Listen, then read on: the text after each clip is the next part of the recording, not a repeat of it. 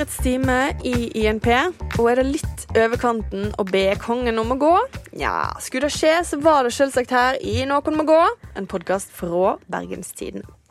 Mitt navn er Gerd Kjellflat, og i studio er også Marie Misund Bringsli. Hei, hei. Og Eirin Eikfjord. Hallaisiken. Og dette er mm, dag to der eh, denne veka, der det på en måte kjennes som en bragd bare å helt at det kom seg på jobb i- Bergen. Det var helt på ekte litt som en eh, polekspedisjon.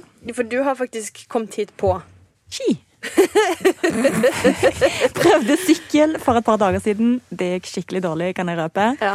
Nå gikk jeg på ski i sykkelfeltet, som ingen gidder å måke. Ja. Fra dør til dør. Uten å ta av skiene en eneste gang. Det er fantastisk. Det er helt uh, Det er once in a lifetime, Ja, det eller? tror jeg faktisk Ja. at det er. Ja, det tror jeg også. Det var litt sånn uh, krøkkete over Torgallmenningen. Eh, og hadde en liten sånn situasjon på et overgangsfelt der staven satte seg fast i brosteinen mens en buss sto og venta. Så det er Ah, jeg ser for meg Eirin Eikefjord over Torgallmenningen, og nå bare sånn Løype! Men jeg har aldri ropt det før i hele mitt liv. Før i går, når jeg skulle liksom renne ned fra fløyen. Og folk er jo virre rundt i. Ingen respekt for skiløpere i denne Nei, byen. nei, men du må bare gi beskjed. Ja. Ja. Eh, sånn er det. Du, Nei, Marie. nei, jeg tok bussen som vanlig. Du tok bussen Ja. som vanlig. Ja, jeg kom kommer jo også med, med Bybane, men um, altså eh, Jeg har dratt noen barn på akebrett til barnehage, også, men det er jo herlig, da. Eh, litt stress, litt tungt å gå og trave liksom, når snøen er sånn langt oppå leggen. Da kjenner jeg at nå er det litt tungt på starten av dagen. Ja, For å gå er jo stress på ekte i snø. Ja, Det er ikke noe fremdrift der. Eh, må, det er jo en grunn til at folk eh, fant opp ski. Ja. Og hjul. Absolutt. det er sant. En litt sånn underlig start på denne episoden her, eh, men det er jo på en måte, det er jo unntakstilstand når det er Altså, det er jo helt elleville mengder for de som ikke har sett ned i ja, for de som ikke har sett bildene fra Bergen. Det, det er helt, Jeg kan ikke huske at det har vært sånn før. Jo da, det har det vært. Men, eh, men det er noen år siden sist, og det er litt godt. For Ja. det er fint med snø, men nå har det kommet ganske Nei, Vi takler ikke det så veldig bra. Dette er en åpen episode, folkens. Eh, Så velkommen til alle våre åpne lyttere der ute, og mer sporadiske lyttere. Jeg minner jo bare om da til alle sammen om at hvis dere syns det er kjekt å høre på, så gir vi ut episoder hver bidige uke som dere kan høre oss på med i BT-appen. Og da kan dere jo òg høre andre podkaster fra BT. Tenkte jeg skulle begynne med en bitte liten anbefaling eh, også denne uka, nemlig eh, Det beste for barnet, som er en, eh, det siste prosjektet fra vår podkastredaksjon her i Bergens Tidende.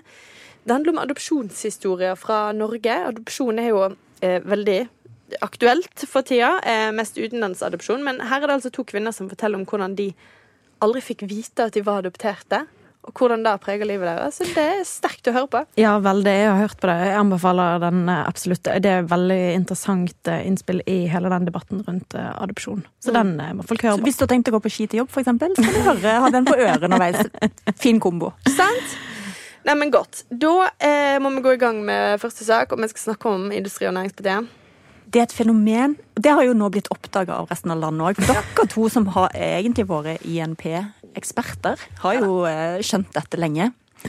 Men nå får de i hvert fall nasjonale overskrifter, og de er ganske dramatiske. Det er opprør, krise, kupp, maktkamp. Eh, De har en partileder, Ove Waltzersø, som er kritisert ganske lenge for sin lederstil. Det har vært avdekka interne dokumenter som eh, viser til utskjellinger og konfrontasjoner og utestengelser. Eh, Han er blitt kalt diktator i et annet internt notat. Eh, Men det virker ikke som han har tenkt å gå av av den grunn. Han hadde en liten pause og er nå på vei tilbake. Samtidig som dette skjer, så får de jo helt sinnssykt gode resultater på meningsmålingene. Det var en januarmåling fra Infact der de får 6,1% Og som vi vet, så er jo det godt over sperregrensen, og altså stortingsplass. Mange stortingsplasser, vil jeg si. Ja, ja, ja, absolutt. Så, så det er jo litt interessant da med dette her. Og nå har de i hvert fall et hastemøte, landsstyremøte, krise De skal ha et møte på fredag som er eh, der partiet skal snakke sammen om seg sjøl. Hva skal skje der, egentlig? Altså, Det er jo litt vanskelig å vite. da. Det er jo litt vanskelig å vite om det er ekstraordinært og ikke Det er, liksom, det er jo generelt litt sånn vanskelig å få helt sånn grep om hva det er som er er problemene. Dette har jo egentlig holdt på siden før jul, sant. Eh, Da eh, kom, begynte det å komme en del eh, saker og overskrifter om at det var intern uro. Um, og så er jo det som er så spesielt med Industri- og Næringspartiet um, at eh, veldig mye av både politikk og diskusjon og alt mulig, det foregår ganske sånn åpent på Facebook. Så drittslengingen foregår på en måte òg åpent på Facebook. Så man har jo kunnet lese veldig mye av kritikken ut ifra det der, da. Eh, så er det jo blitt skrevet, sånn som du sa innledningsvis, både om kuppforsøk, at noen vil eh, prøve å kaste lederen Ove Ingemann Baltersø. Men så virker det jo som om at den kritikken mot han har egentlig virket helt mot sin hensikt. For det, det som er spennende, er at gjennom hele, altså helt siden dette begynte, så har egentlig bare medlemmene fortsatt å strømme til partiet. De har fått innmeldt liksom nye medlemmer nesten eh, daglig. Og eh, Eh, han har fått helt vilt med støtte fra grasroten. Eh, så han er jo nå veldig motivert eh, til å fortsette. Og har på en måte Du, ser at det er liksom veldig mange som backer opp rundt han. Så jeg tror nok ikke at han kommer til å gi seg. Men det er jo et parti som har liksom gått fra å være et sånt ja, politisk hobbyprosjekt til å ha blitt en organisasjon med over 14 000 medlemmer. Som er altså Da, ja, da begynner vi å snakke. For La oss snakke litt mer om det. For i gamle dager, når Frp begynte å bygge seg opp, så snakket man om en sånn fjøslyktfenomen. Sant? Hvis du setter ut fjø, en fjøslykt i sommernatten, så tiltrekker den seg alt mulig rart av insekter. Sånn som sant, flyr rundt. Og det er jo litt det samme her. Sant? Et fenomen blåser opp.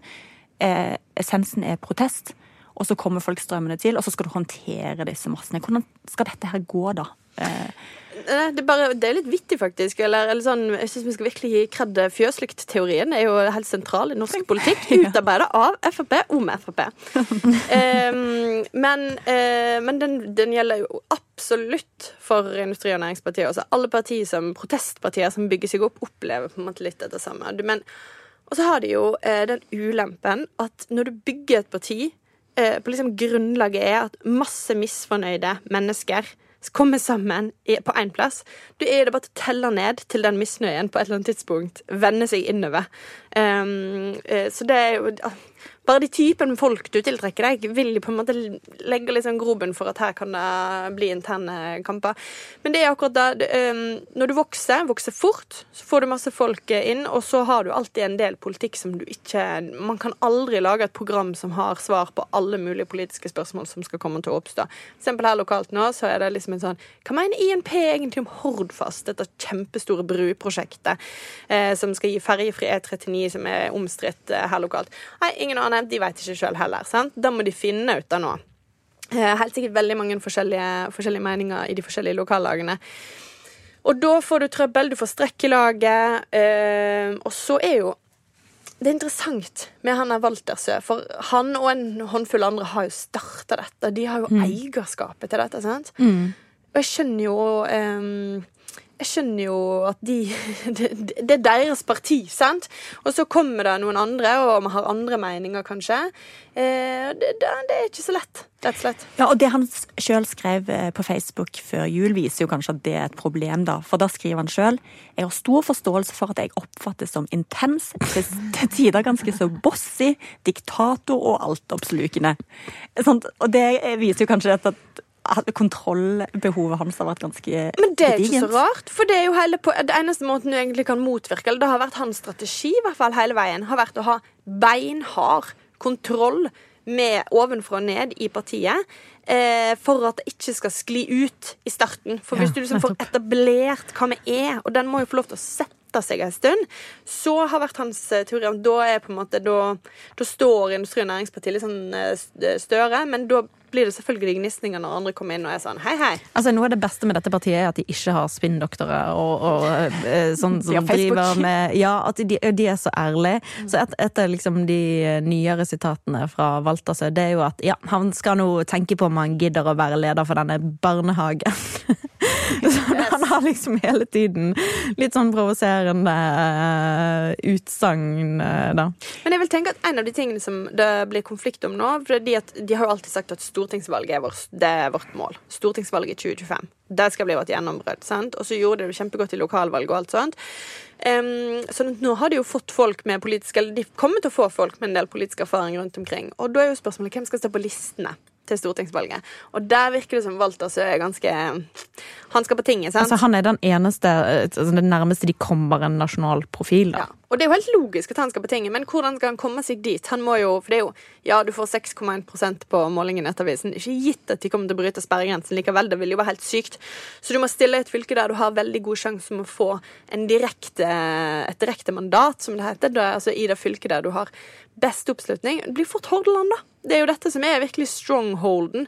Men uh, Walter så hører ikke hjemme her, så jeg ser for meg at her er det jo på en måte en um, Eh, uten at jeg har noe eh, liksom, helt grunnlag. Men her, dette er jo en kime til konflikt. Hvor skal hvem stå på toppen av listen, og hvem skal få sjansene? Altså hvem er hans gjeng, da? Har han liksom en sånn tett gruppe rundt seg som Eller er det litt Ja, altså han står jo veldig stødig i dette. Altså, det som IMP står veldig stødig på, det er jo med en gang det blir snakk om energi, oljepolitikk, strøm. Mm. Um, og her er jo på en måte valgt altså superstødig.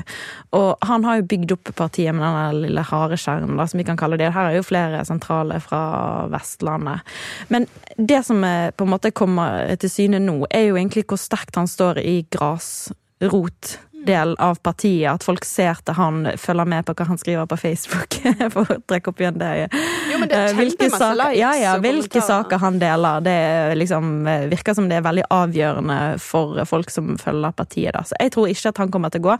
Men eh, det, har, eh, det har kanskje roet seg litt, men altså, det er jo ingen tvil om at det ulmer, og at de har veldig mye å ta tak i. Og så er jo en, et element i dette her er jo at de er et nytt parti. Det er veldig mange som ikke har eh, noe politisk erfaring fra før av, fordi at de har liksom ønsket å bygge opp igjen dette helt eh, partiet som er, det skal bestå av eh, folk med ekte arbeidserfaring. Eh, men så har det jo òg nå tiltrukket seg folk som har eh, erfaring fra andre partier, fordi de har sett at IMP eh, blir noen eh, å regne med. Og det har blitt et problem, da. Det har de vært helt åpne om. ja. Dette er litt spennende, da, fordi at IMP er jo et parti som prøver å Um, hva heter det, de er en disruptor. De, de, prøver å utfordre systemet. Sant? De skal ikke ha heltidspolitikere. Eh, sånn som i Bergen. Så ha, altså, Der Bergenslisten har to heltidspolitikere, så har ikke INP noen. Nei, og det begynner å tære på dem, for det er jo enormt med jobb som skal gjøres. Og det skal man gjøre på fritiden.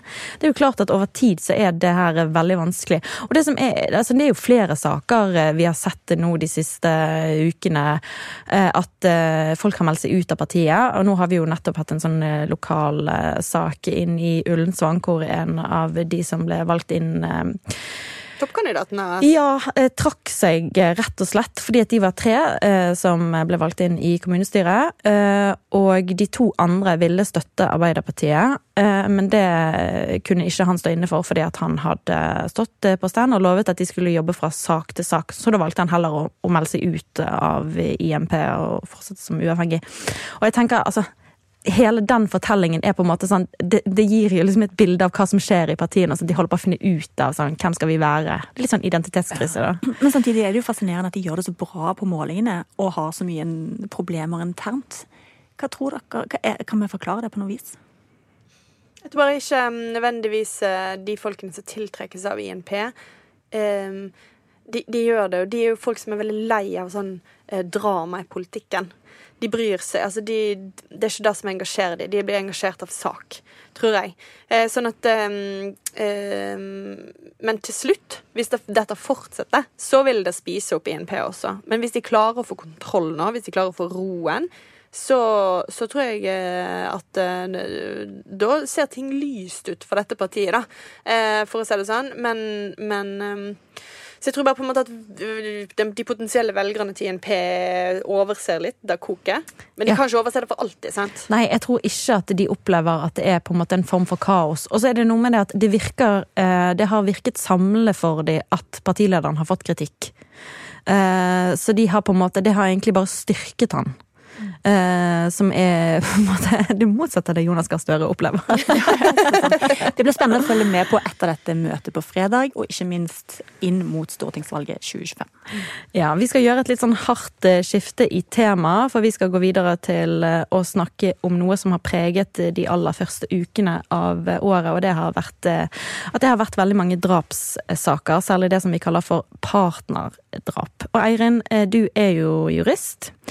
Eh, og du har fulgt eh, Du har fulgt mange rettssaker tidligere òg som har handlet om partnerdrap, og skrevet om det før. Og nå har du òg eh, skrevet om det igjen, og skriver blant annet at det farligste du kan gjøre, det er å forlate mannen din. Hva mener du egentlig med det? Det er jo ett motiv som ofte går igjen i disse sakene, og det er sjalusi, og det er at en mann blir forlatt. Eh, ofte i forkant så er det vold.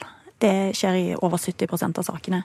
Så de skiller seg ganske mye fra andre drap, disse her, både når det gjelder hvem som begår de. Vanlige drap eh, begås stort sett av straffedømte menn i 20-årene som sliter med rus og psykiatri.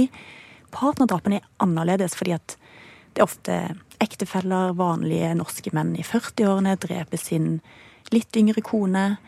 Så det er en helt annen demografi, et helt annet persongalleri i disse drapene. Men de kjennetegnes alt ofte av at en kvinne forlater en mann. Mm. Og dette her har jo på en måte òg eh, Altså det har jo selvfølgelig vært mange nyhetssaker eh, både lokalt og eh, nasjonalt. Men det har òg blitt en, en, politisk sak ut av dette her òg. Justisminister Emilie Enger Mehl hun sier at politiet de må bli bedre på å forebygge partnerdrap. Vi må jo helst som samfunn komme dit at volden ikke oppstår i det hele tatt. Eh, så eh, vi har jo også lagt fram nylig en opptrappingsplan mot vold og overgrep og vold i nære relasjoner. Eh, den inneholder over 100 tiltak under ni forskjellige departement, fordi vi må inn i skolene, i helsevesenet. Vi må få naboene til å bry seg. Vi må sørge for at politiet er enda bedre rusta til å til å ta disse sakene på alvor. Derfor er f.eks. det å styrke etterforskning og påtalemyndigheten, sånn at man kan få Eh, bedre etterforskning og raskere avgjørelse i, i saken er viktig. Der hørte vi eh, justisminister Emilie Enger Mehl, som ble intervjuet av eh, VG. Og et annet aspekt av denne saken som har vært diskutert de siste ukene, det er jo voldsalarm og hvor godt det egentlig fungerer. Det har blant annet kommet frem i en lokal sak her, hvor Tina Solberg ble funnet drept i eh, Øygarden at hun hadde voldsalarm, men at eh, den ikke ble utløst den dagen hun ble drept. Og den eh, diskusjonen rundt voldsalarm, det går jo eh, mer på egentlig eh, godt den fungerer, og om eh, nok folk har fått voldsalarm. Eh, og om man heller kanskje burde satse på det som heter omvendt voldsalarm, da. Som egentlig er en slags fotlenke som eh, blir satt på den personen som utøver vold, eller kan utøve vold. Og Eirin, du har jo òg skrevet om dette her, for du har faktisk personlig erfaring med å ha voldsalarm. Hvordan var det?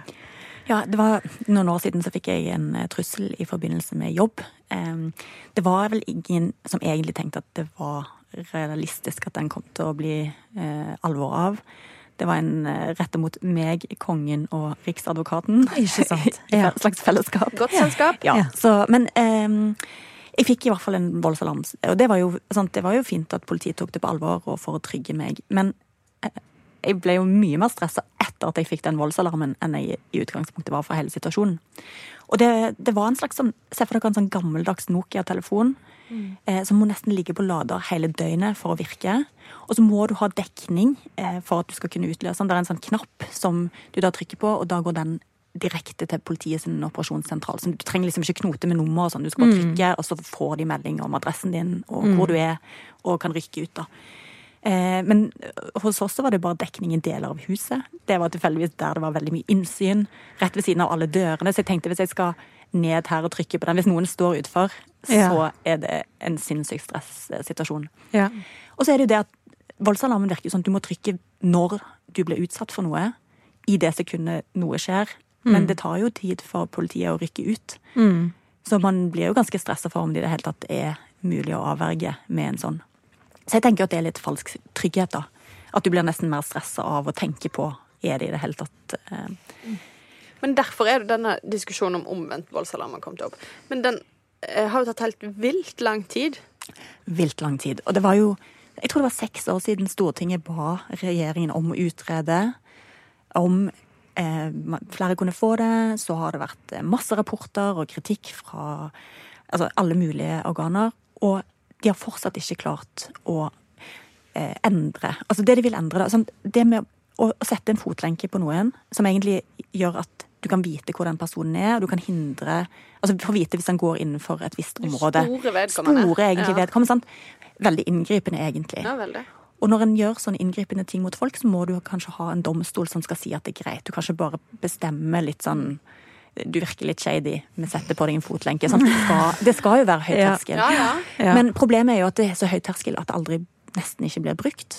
Så forskjellen nå er at de vil at politiet, eller påtalemyndigheten som det heter formelt når det liksom er jurister involvert, skal kunne bestemme det sjøl. Hvis det er en voldshistorikk, så skal de kunne bestemme det, istedenfor å måtte gå hele veien til domstolene og få en kjennelse og holde på med masse byråkratisk knot. Men den er ikke innført ennå, det er jo det eh, Emilie Enger Mehl nå ønsker å få fortgang i.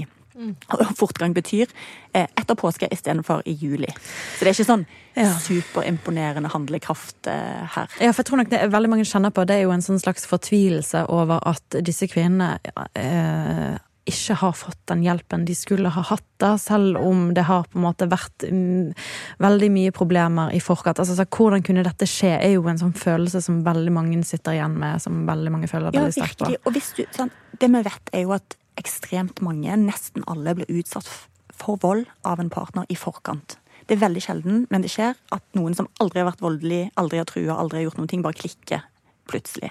Så det er jo på en måte varsla drap, dette. Man burde visst om det. Og hvis de kunne vært mye mer beskytta, da ville jo en visst at denne personen nærmer seg de, og kunne gripe inn i forkant.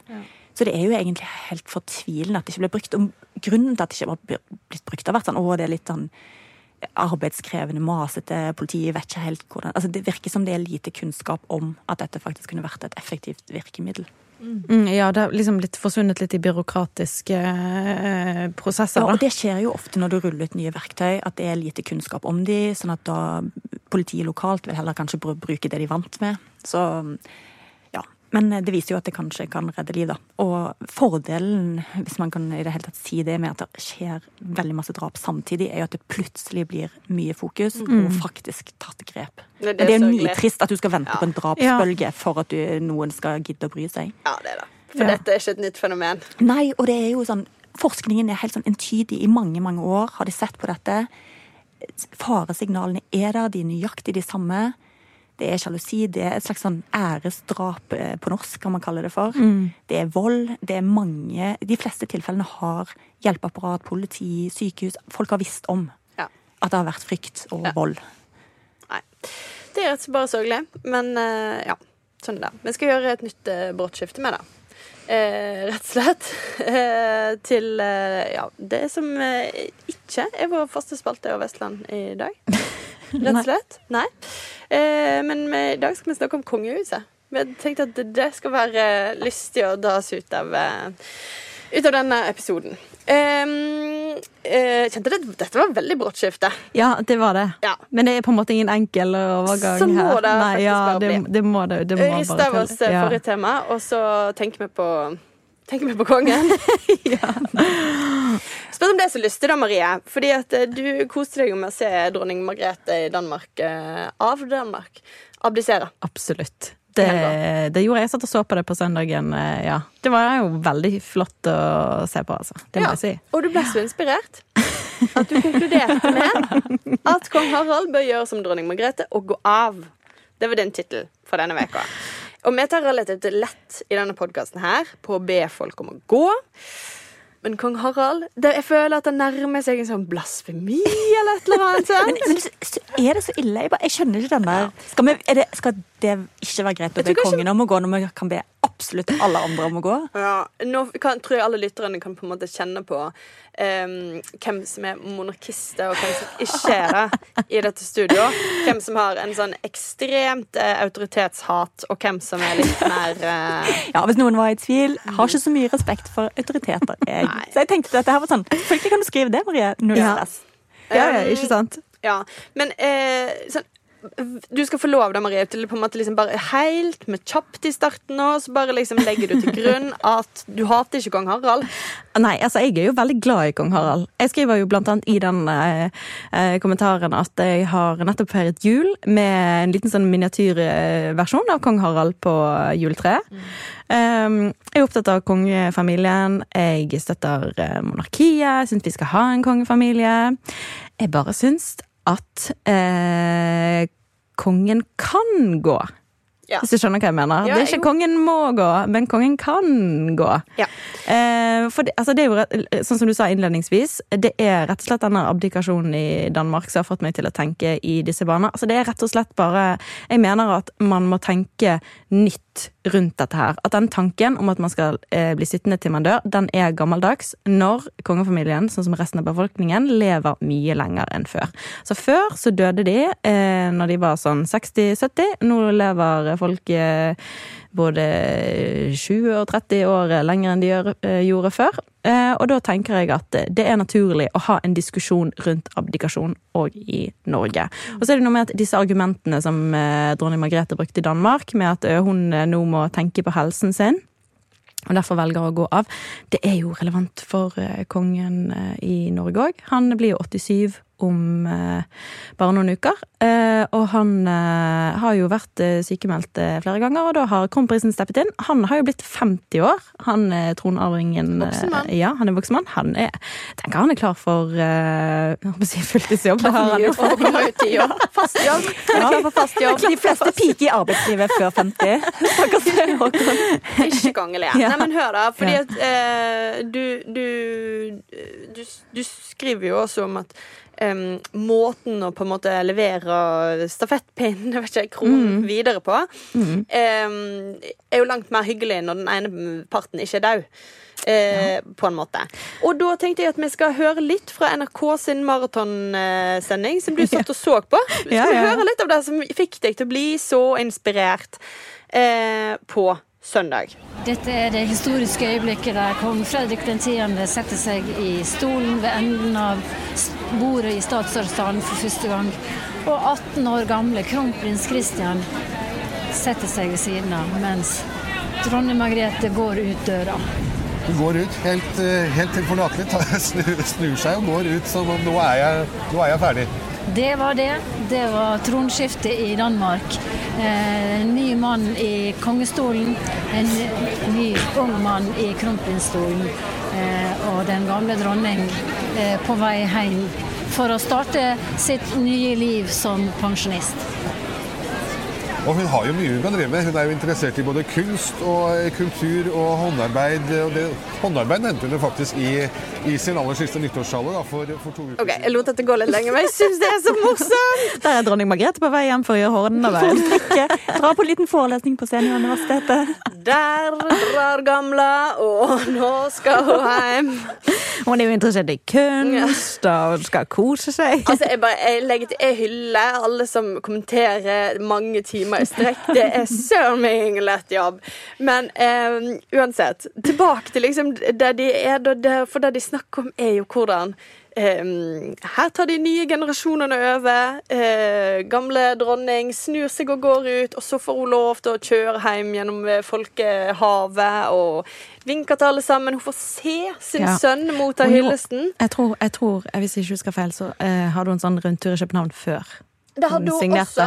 Ja. Og altså, La oss høre bare litt på jubelen da hun eh, kjørte inn til Slottet denne dagen. Hva hun fikk med seg på veien.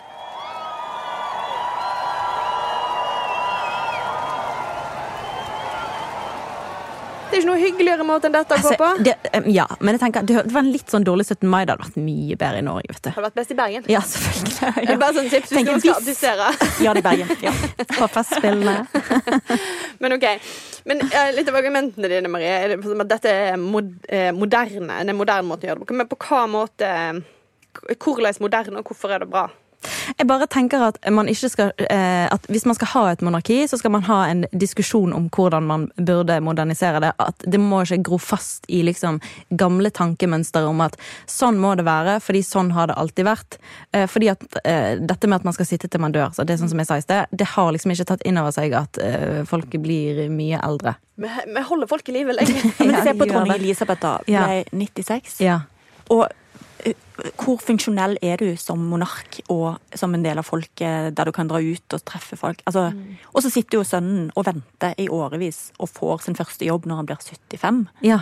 Han er Det jo, er jo, ikke, en gammel det er jo helt irrasjonelt å gjøre det på den måten. Ja, det er det. Jeg tror bare altså, eh, Mine tanker på dette det eh, kunne tilført liksom, vitalitet til kongehuset å gjøre dette her.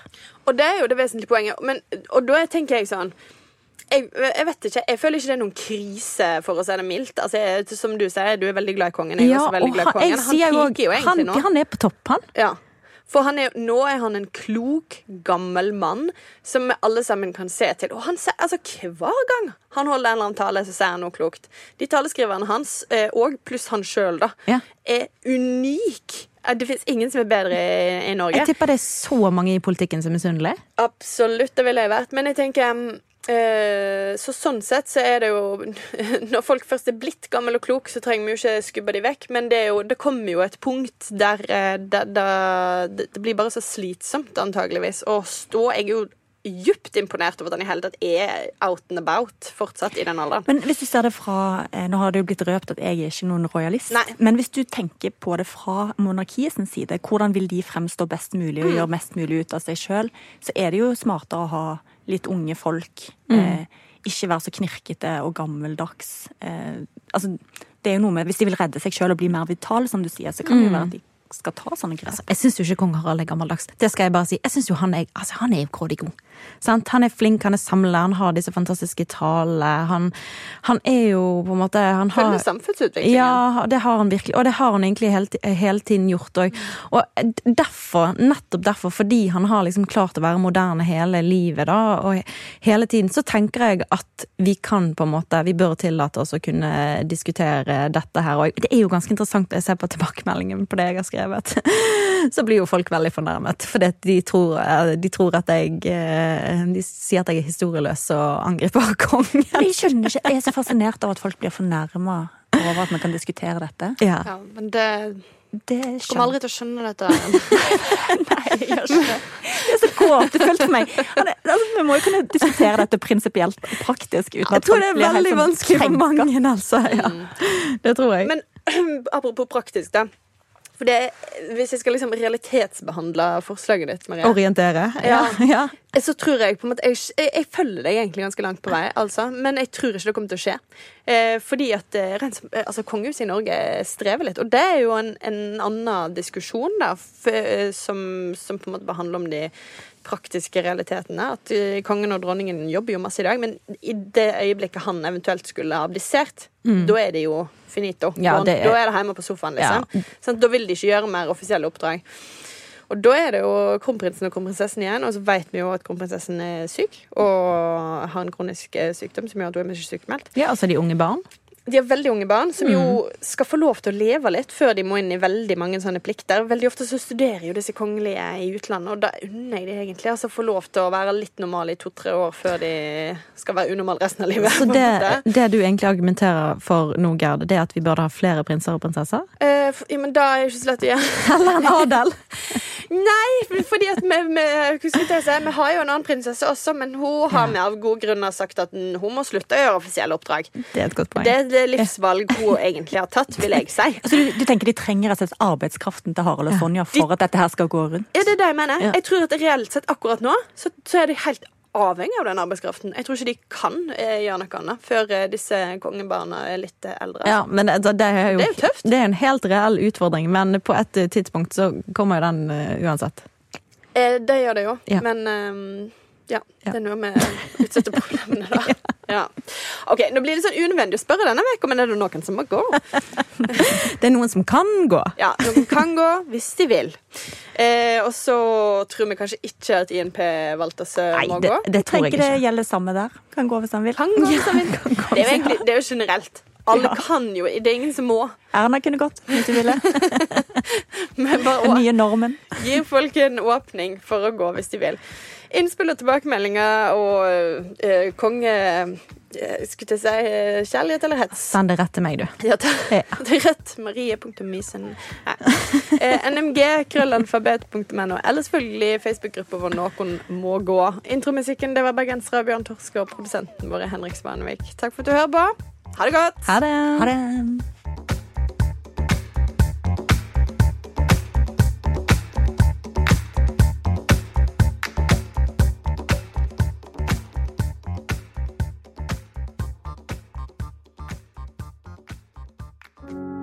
Og ble helt gelé.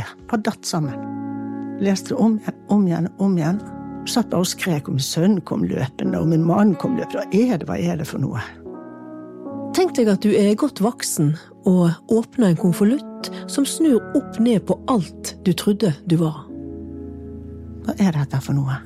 Hvor kommer du fra? Hvorfor dette? Hvorfor nå? Hvem er du? Tenk at et eh, familiemedlem forsnakker seg, og at eh, livet ditt aldri blir det samme etterpå. Du må være snill med din mor. Du vet jo det at du er adoptert. Eh, Det visste jeg ikke, sa jeg til henne. Å, du visste ikke det, nei. Så bare lukket hun døren. Tusenvis av norske barn har vokst opp i adoptivfamilier.